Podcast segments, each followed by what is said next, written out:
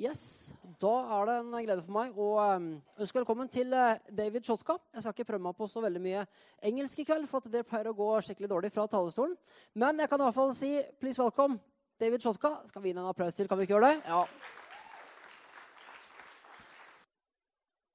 Is that better? Can you hear me now? Good. I want my wife to come on up here. This is Elizabeth Chotka. She came all the way from Canada just to say hello to you. so, she's half Swedish and half Norwegian. I don't know if this is considered a betrayal or a welcome. I came to say hello. So, hello. and I'm really all Canadian with a little bit of the mixed up Scandinavian in me somewhere. I want I was thinking of we were singing this song about the city hmm. and praising the Lord and I have been impressed by how this church building is situated with these glass windows facing out over this city and how the Lord has gathered you together as a congregation of believers to do those greater works in that lost world there, just outside, just even down the stairs and out the doors.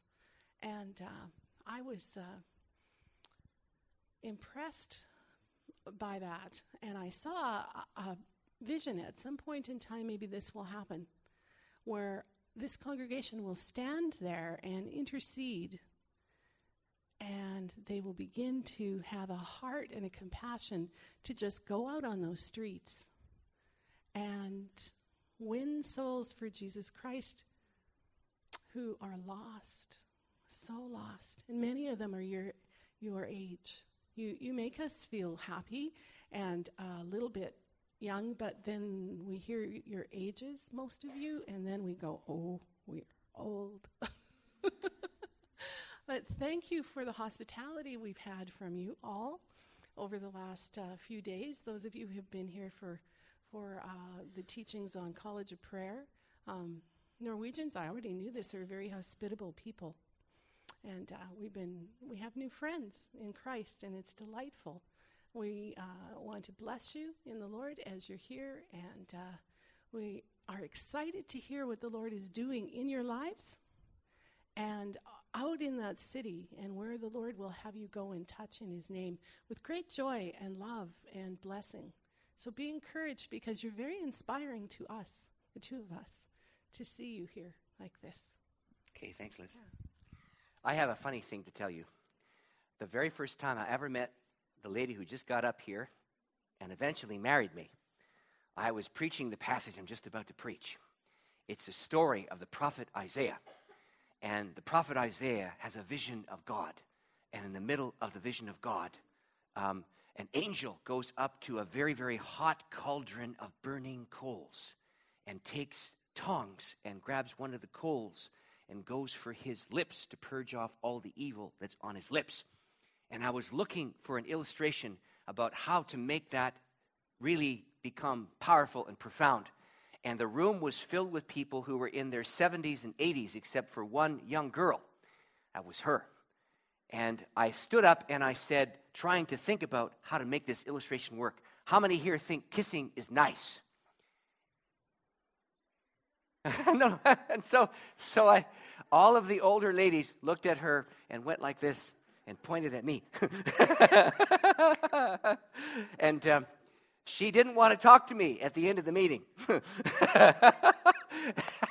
In fact, uh, it was much later, much later, that we realized that we were supposed to be together as husband and wife. Anyway, I'd like you to open up your Bibles to Isaiah chapter 6. Isaiah chapter 6, and you'll hear the crazy kooky text that I read. And I was just trying to illustrate that these muscles are tender. That's what I was trying to do. But I think the wrong message was sent. Anyway, in the end, she did marry me. Listen to this passage, word of the Lord, Isaiah chapter 6. In the year of King Uzziah's death, I saw the Lord sitting on a throne, lofty and exalted, and the train of his robe filled the temple. Angels stood above him. Each of them had six wings. With two they covered their face, with two they covered their feet, and with two they flew. And one called out to another and said, Holy, holy, holy is the Lord of hosts. The whole earth is full of his glory. And the foundations of the thresholds trembled at the voice of him who called out, while the temple filled with smoke. Then I said, Woe is me, for I'm ruined, because I'm a man of unclean lips, and I live among a people of unclean lips. My eyes have seen the King, the Lord of hosts. Then one of the angels flew to me with a burning coal in his hand, which he'd taken from the altar with tongs. And with it he touched my mouth and said, Behold, this has touched your lips, and your sin is taken away, your sin is forgiven. Then I heard the voice of the Lord say, Whom shall I send? Who will go for us? Then I said, Here am I. Send me. Thanks be to God for this reading from his holy word, and to his name be praise. And all God's people said, Amen. Now may the words of my mouth and the meditations of all our hearts be fixed on you. Give us inspiration, give us guidance, give us wisdom, and teach us in the depths of our spirits what it is to be servants of our Lord. We pray in Jesus' name. Amen. I want to give you a principle. To a very great extent, you are what you have lived in. I discover this every time I go cross cultural and realize that the cultural cues that I live in are different from the cultural cues that other people live in. Um, there was one time when I flew to the Ukraine, and my background is Ukrainian. My grandparents came from Eastern Europe and settled in Western Canada.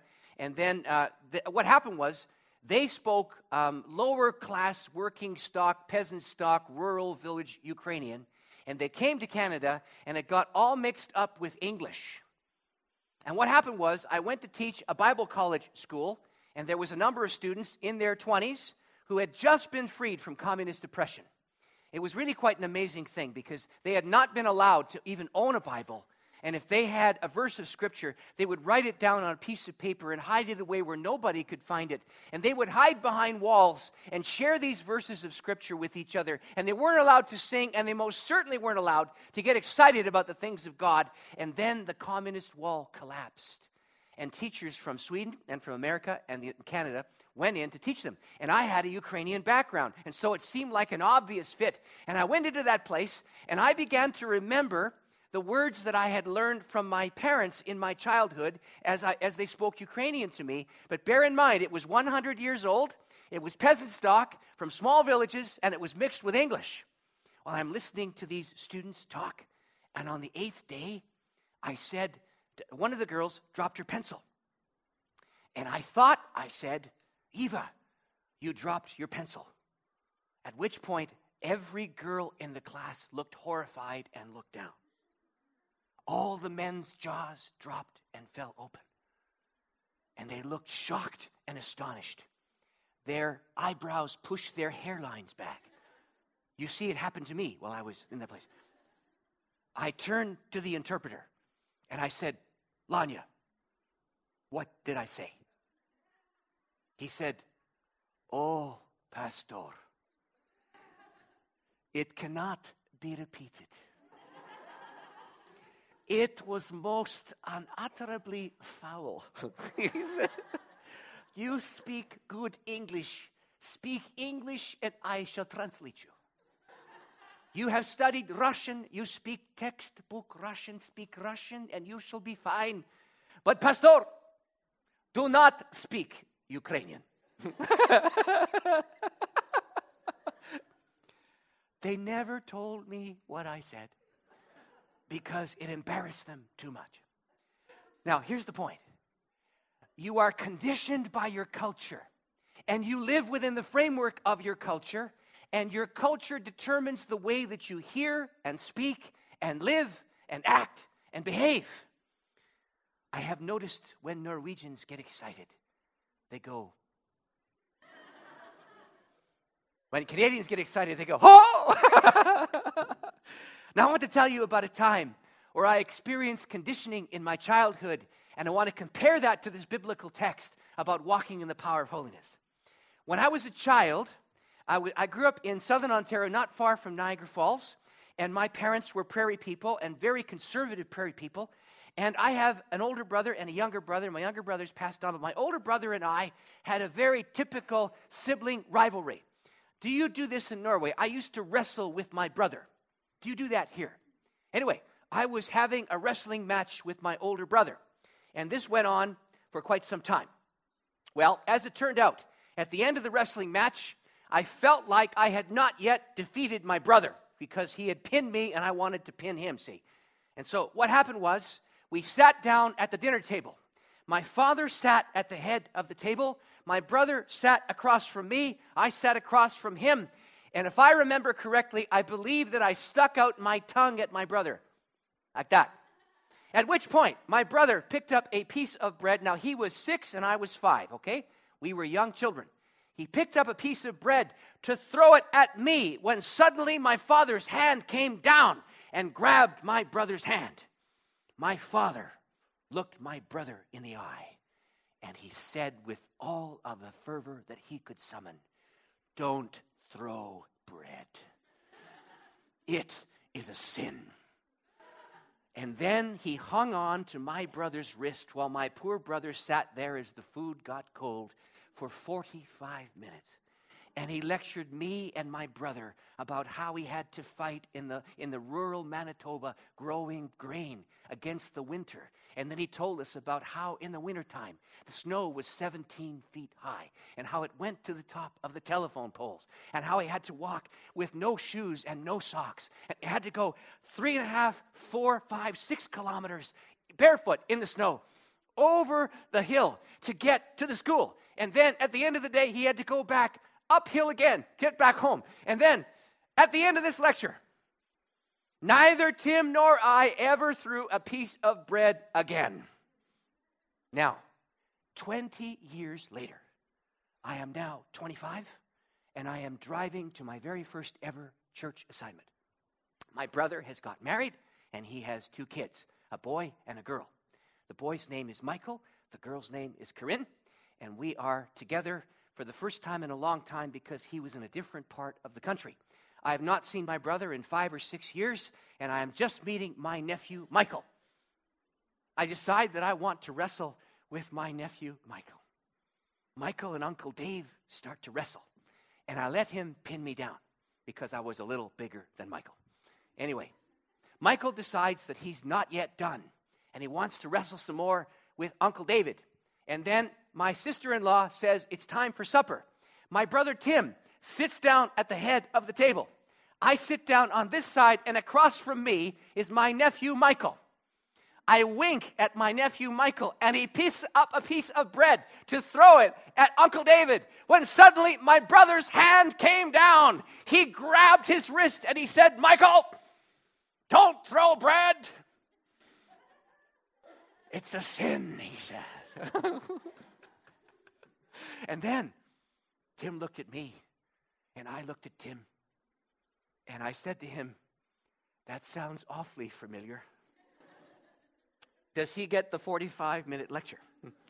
And he said, I don't know why I did that, but I'm never going to let this boy throw a piece of bread. now, why am I telling you that crazy story? I'm telling you the story to illustrate the principle that we learn our behaviors within human contexts. And what we experience gets stamped into our souls. And if we are going to learn to walk with God and to enter into this thing that God calls holiness, we need to encounter the holiness of God. That's what we need to do. Now, there's a passage in 1 Peter, and it says this Like the Holy One who called you, be holy yourselves in your behavior, because it's written, You shall be holy, for I am holy. Now, how in the world do we practice holiness? That's from 1 Peter chapter 2, and uh, it's chapter 1, verses 15 to 16. How do we do it? How do we become more holy? How do we walk with God? How do we prevent ourselves from doing evil or sin? I'm aware of three approaches. The first is to stop sinning because we know we can. The second is to stop sinning because we fear the consequences. The third is to stop sinning because we have an encounter with the holiness of God. And far and away, that is the most significant way to get power over the things that destroy and wound. Now, I remember reading an article once by a guy named John Blattner. He was the editor of a renewal magazine. He told of a man who struggled with a chronic sin. This guy always did the same ridiculous, bad, ugly, evil behavior. And he wanted to stop. He knew he had a problem. And so he booked in to see this guy named John Blattner. And he told him the whole thing. He told him how long he'd been doing it, how he fell into it, all the triggers that made him want to do it, and nothing had worked. Finally, the fellow asked Blattner what it was he should do. Blattner paused. Blattner prayed. Then he opened his eyes and he said, I think you should stop doing it. The guy said, Stop doing it. He said, Yeah, I, I, I think you should stop doing it. And the fellow said, Oh, that's unbelievable. I've gone to all kinds of counselors and they give me all kinds of approaches, but nobody's ever told me to stop. Maybe I should stop doing it. that's the first approach. You stop because you know you can, all right? Now, the second approach is to stop sinning because you fear the consequences. Paul in 2 Corinthians 5 speaks about the judgment of seat of Christ and how all of us are going to appear before that. And he says, knowing the fear of the Lord being aware of how powerful God is, we persuade, we, we stop sinning, and we persuade. All right? So, perfect illustration of this is the story of Joseph in the Old Testament. He has he, he was the steward in charge of a house of a man named Potiphar. He had the run of the estate, he could do whatever he wanted. And Potiphar's wife saw that he was a handsome man. She decides that she wants to seduce him. Joseph's language makes the attitude very clear. You can find the story in Genesis 39. Joseph says, How could I do this great evil and sin against God? Now, he didn't say, How could I do this evil and sin against my master? Uh, what about Potiphar? Potiphar's not even mentioned in the thing, and he doesn't talk about sinning against his body or sinning against her or sinning against marriage. He, he says, How could I do this evil and sin against God. His awareness of God was so sharp, so clear, that when opportunity came to take advantage, he immediately didn't think of his boss. He thought of the consequences eternally, and he stopped himself from doing it, even though he suffered. Now, here is an application to consider. Uh, you know what? When, when I'm about to sin, I sin when I'm not thinking about God. Got that? When I stop myself from sinning. I stop because I am aware that there's a judgment day, even if I like my sin. By the by the way, you know why people sin? They like it. Are you aware that? You know, th- they like it. That's, that's why they do it. It feels good, or, it, or it, it gives them a sense of temporary pleasure. But if you become aware that there are consequences here, and most especially there, you draw a line and say, No, I'm, I'm not going to cross that. That's the second way. But far and away, the most effective means of walking with God in holiness is to experience that holiness firsthand. We need to be terrified by it, we need to be awestruck by it, and then we need to receive it because it's something that's powerful. And Isaiah 6, this story I read to you from the Bible, is of this man's encounter with a holy God. And there were three things in this. First was the encounter, Second was a personal cleansing. And third was a commission to go out forth in his name, bearing his love to the world. Now, here's what happens. In that culture, if you had a strong king, you had a strong society. If you had a weak king, you became a conquered culture and you suffered. Now, this king, Uzziah, had died. He had been a good king, a strong king, and a successor strong enough to defend the nation in times that were anything but gentle would be needed. So Isaiah the prophet went into the temple to seek God for an answer. While the man was there, he had an experience of falling into a trance state vision. This is where you are praying, and suddenly all of your senses are suspended, and you no longer see just earthly reality, but you become utterly, totally, completely aware of heaven and heaven's reality. He falls into that kind of a vision. And he sees the Lord. Such was the power. He was totally overwhelmed by the holiness. And he says these words Woe is me, I'm ruined. I'm a man of unclean lips. I dwell among a people of unclean lips. Everything that was solid and stable was utterly and totally shaken by God's majesty. The temple itself began to vibrate and shake at the foundations. The angels looked away because even the big angels couldn't bear to look at it, unable to stake the holy sight. And, and, and the, the building filled with smoke, and order was turned into chaos at the majesty of the power of the holiness of God. Let me ask you this Have you ever tasted God's holiness? Oh, I have to tell you this. It's not pleasant, but it's powerful. Absolutely powerful. In essence, if we're going to have a biblical faith, we have to experience the holiness of God and be aware of how powerful and profound it is. By the way, there's, there's a way to get at this. In Hebrew, when they wanted to underline a truth, they repeated it.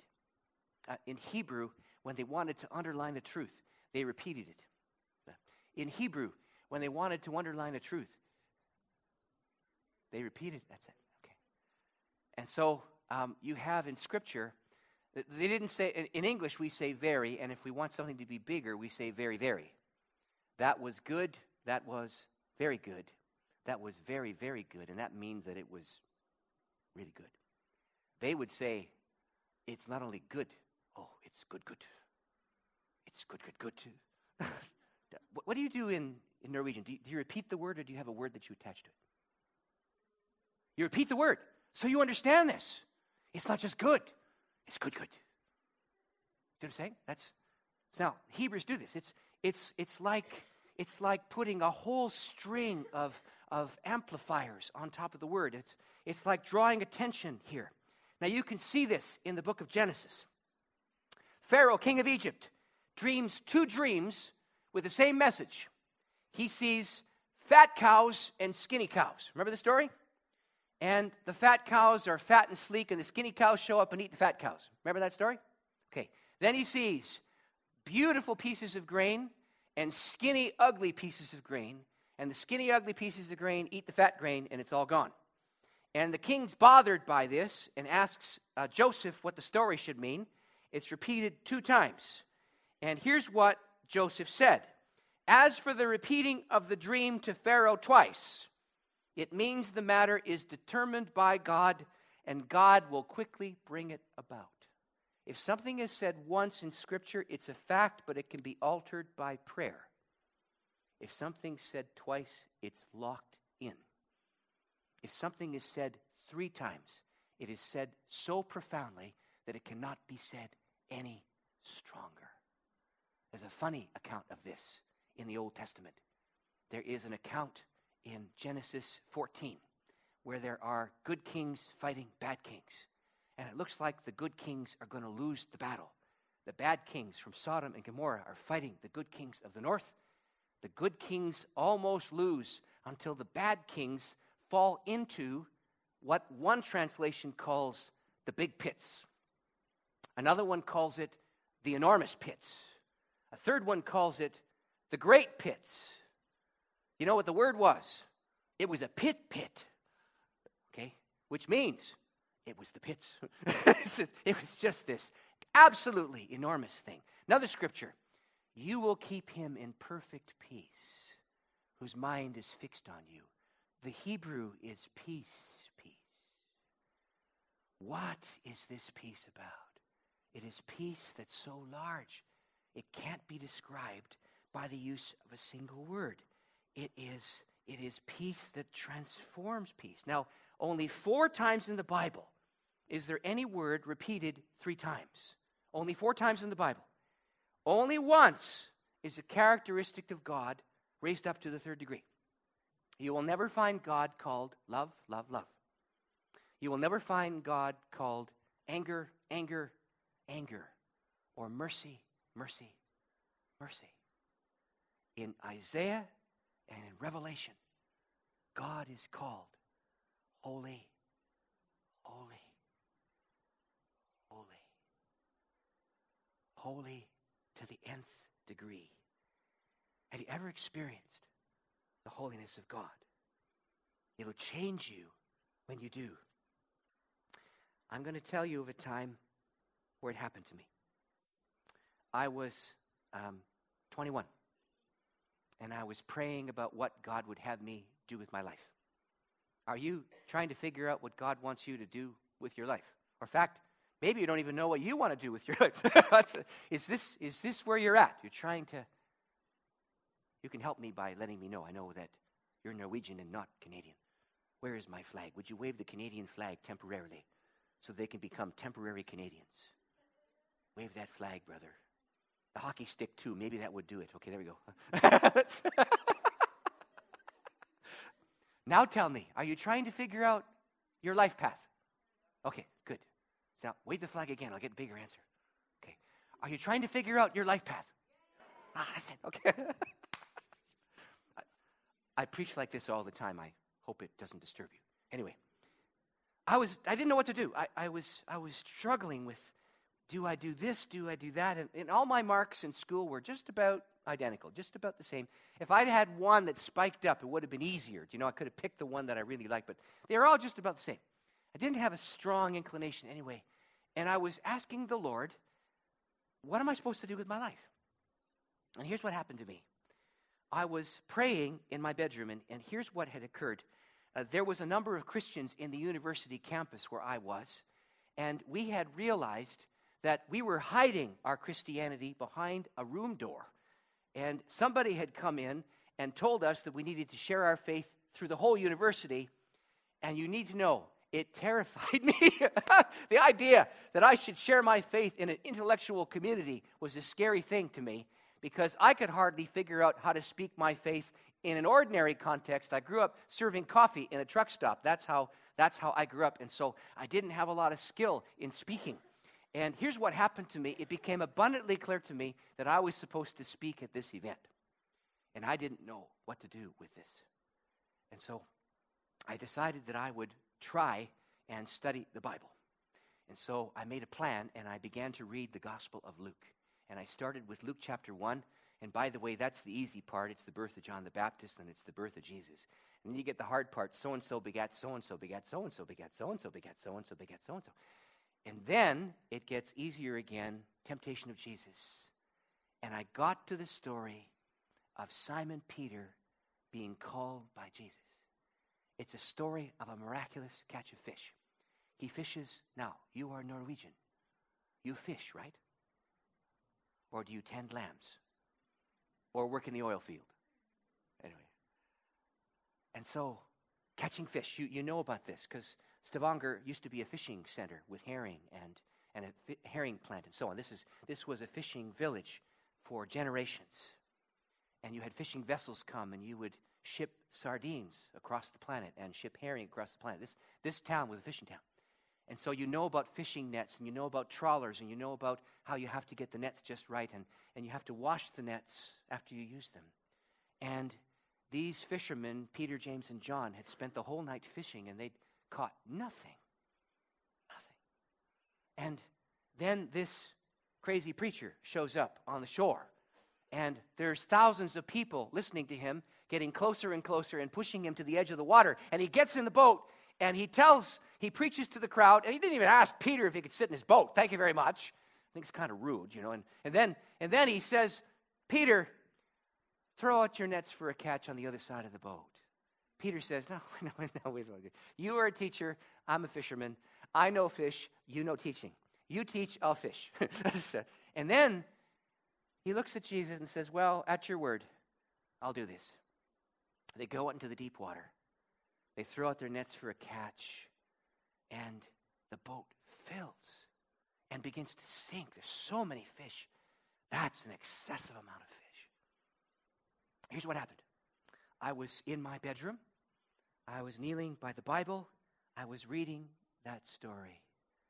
When suddenly I was no longer in myself, I was suddenly in the body of Simon Peter, and I saw this shining figure standing on the shore. And he sat down on the edge of my boat, and I could feel the rope in my hands. I heard no sound.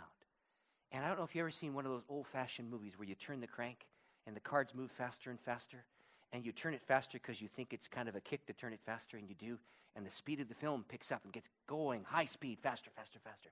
The, the pace picked up as I continued in this. And I saw the shining figure point out into the water, and I could feel the oars in my hand as I rowed the boat out into the water. And then I threw the nets over the side with my companions, and we started to pull all of these fish into the boat, and the boat began to sink. And it was at that moment I realized I was in the presence of God, and I stank with sin. And I remember in this vision, this dream, whatever it was, I threw myself down into the stinking fish and I yelled at the top of my lungs, Leave me. I, I, I, I, can't, I can't do this. Leave me. And out of the text, suddenly I began to return back into my body in my bedroom where I was kneeling beside my bed reading my Bible. And the words from the Bible got bigger and bigger and bigger. And it said, Do not fear. From now on, you will catch people. And suddenly I was back in my room. I have to tell you, it was terrifying. And it was scary beyond imagination. And I was really quite surprised that I didn't smell a fish. Suddenly I realized that something else had gone on in my life. Something else. I realized Jesus Christ was alive. it's, it's, he, he was alive. And I, and I realized something else. I, I realized he was holy and I wasn't. And I realized something else. I was going to have to go public with my faith, tell people about it. Now, the story goes on, and, and here's what happened I was booked in to preach on a Tuesday and I didn't know what to say. I had received absolutely no training in how to share my faith at all. And here's what I did I went to a church service. And in the church service, the preacher got up, and it was a really small service. I think there was 15 of us in that service. And the preacher got up and read John 21. It was the second call of Peter after he said, I can't do it. You know, Peter, Peter had denied Jesus three times over charcoal fire, and, and, he, and he goes away and he tries to go back fishing because he likes fishing, because he understands fishing, and it was easy to fish. And, and he'd spent his life learning how to fish. He'd been conditioned by fishing, and he was such a good leader. He took seven other apostles with him fishing. Do you like fishing? Peter liked fishing, it was what he knew. He goes back. catches nothing. Does this sound familiar? Hmm. A shining figure appears on the shore. Says, Throw out your nets on the other side, Peter.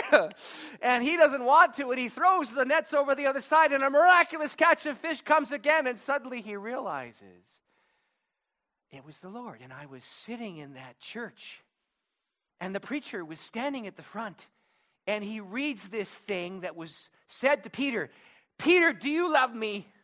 More than this. Peter, if you love me, feed my sheep. Peter says, Well, yes, Lord, you know that I love you, and that admonition comes. So, so then after he gives Jesus the answer, hmm, Jesus repeats himself. Do you get the point here? underlining this. Repeats himself. Simon, son of John, Peter, do you love me? Peter, if you love me, take care of my lambs. And Jesus does it again a third time. And everybody's watching. It was not private, it was public. There was seven other guys around there while Jesus is feeding them breakfast. And he says to them a third time, Simon, son of John, Peter, do you even like me? Peter says, Lord, you, you, you know the answer to that. You, you know I, you know I love you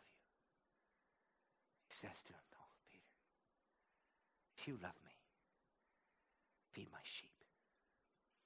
Now, you know the two stories that were the shaping moments in my call. I was sitting in that church. It was 7:30 at night. You call that 1930, don't you? 1930.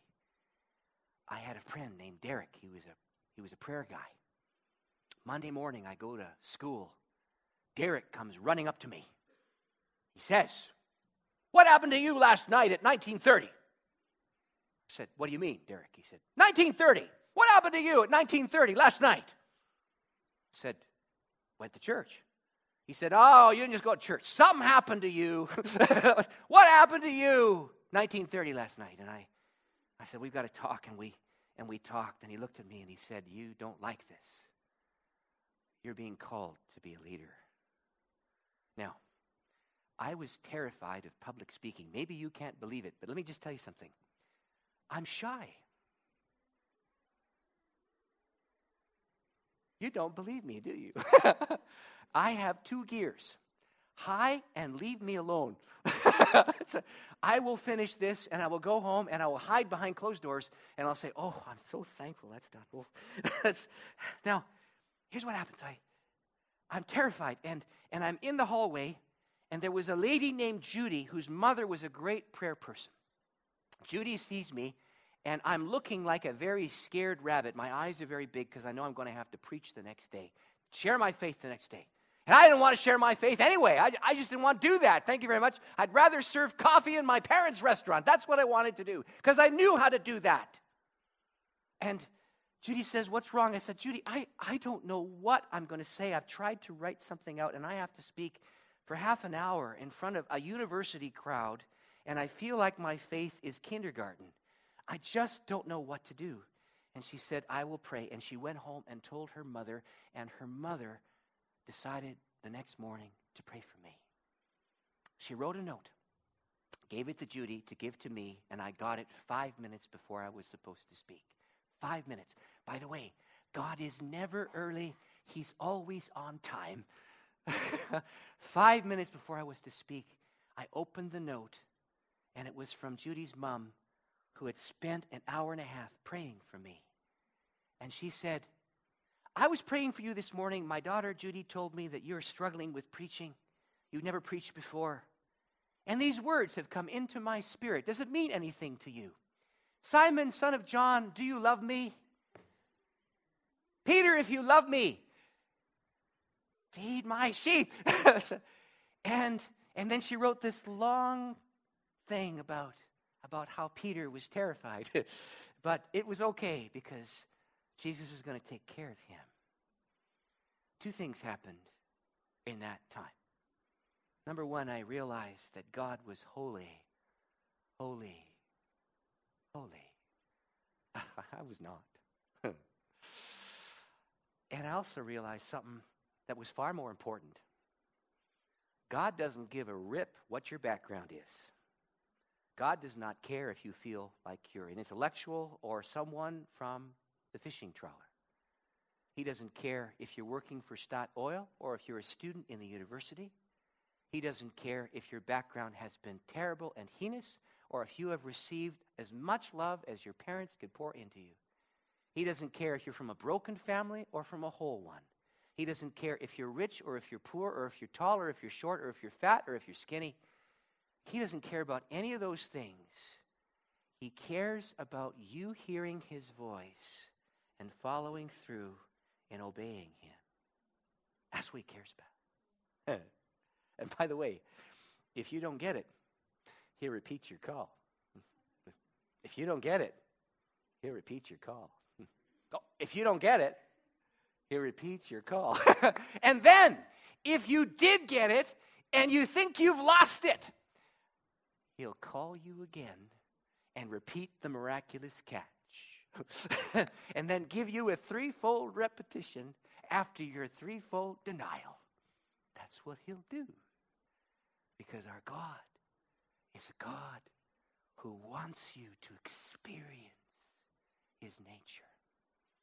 By the way, it includes this experience of realizing you are not as you should be. Now, let me just make this clear. There isn't a person in this room who is as they should be. In fact, I suspect that sometime today you disappointed yourself. Isn't that true?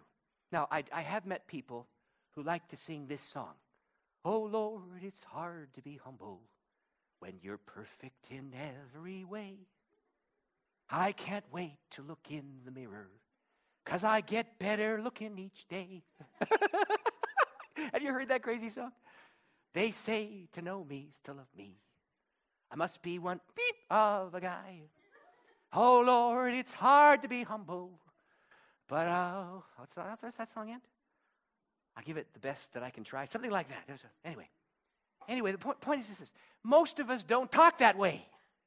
And by the way, if you do talk that way, you need to experience the holiness of God because you are a sinner saved by grace. And God takes people who think they're nothing, who throw themselves down in stinking fish and say, Leave me because I, I'm not as I should be. He takes the prophet Isaiah. He feels like his lips are polluted, festering with foul words. And he sends an angel to take coal with tongs to touch his lips. Now, do you do barbecues here in Norway? Yes, okay. Now, do you light coals up and burn them nice and bright and wait till they burn red? Do you do that? Now, I want you to picture this. I have just got a barbecue. I've invited you over. We're having fish steak. Okay? I take the coal and I go straight for your lips. What are you going to do? no, you're not going to bite it. You'll run. Why? Here's what was God doing? God was cauterizing the sin off the lips of Isaiah. And from that point forward, his weakest area became his strongest strength. His weakest area. He felt like he had a filthy mouth. Maybe he had a problem with swearing. Certainly, he felt like his speech was impure. I don't know what it was. God took his weakest area, burned it with his fire, turned it into 66 chapters of magnificent scripture that have changed the world, the world he lived in, and the world we live in, because we still read the words of the prophet Isaiah, words that were cleansed by a fiery coal from the altar. Now, I just feel like I'm supposed to pray. Turn this back over to you, Thomas. You say, Tomas here. I'm David. Okay, let's pray. Lord Jesus, thank you for the scripture that says we're supposed to be holy because we experience the holiness of God. Thank you that you call us to experience your presence, to experience your power, to taste of your goodness and your grace. I'm going to do something here that uh, this very Canadian. I don't know if you guys do it this way, but I'm going to do it this way. Every head bowed, every eye closed. If there's someone here who wants more of God, just raise your hand. More of God. Some of you, okay, there you go. All right. Thank you, Jesus. Lord Jesus, a whole bunch of hands went up. I don't even know their names, but you know their names. Anybody here wants God for the first time? First time. Anyone here not know the Lord who wants God for the first time? Okay, how about this? Anyone here who's walked with God, walked away from God, and wants to get started with God again? How about that? Anyone here like that? Hands up if that's you. Okay, now, what about someone here who has known the Lord, doesn't feel good enough, and wants to start again? Anyone here like that? Okay, thank you, Lord. Lord Jesus, you've seen these hands go up, and I thank you for this. And I pray in Jesus' name that you would take those decisions, this decision to say yes to your power. And I pray that these people would experience the ability to say no because they know better, the ability to say no because they fear the consequences. But better than that, the power of God to touch the life and burn off the unclean stuff with the fire of God through a fiery call that you repeat until it's done. Have your way with them. In Jesus' name. Amen. Thomas, I'm going to turn it back to you. You can close out the service.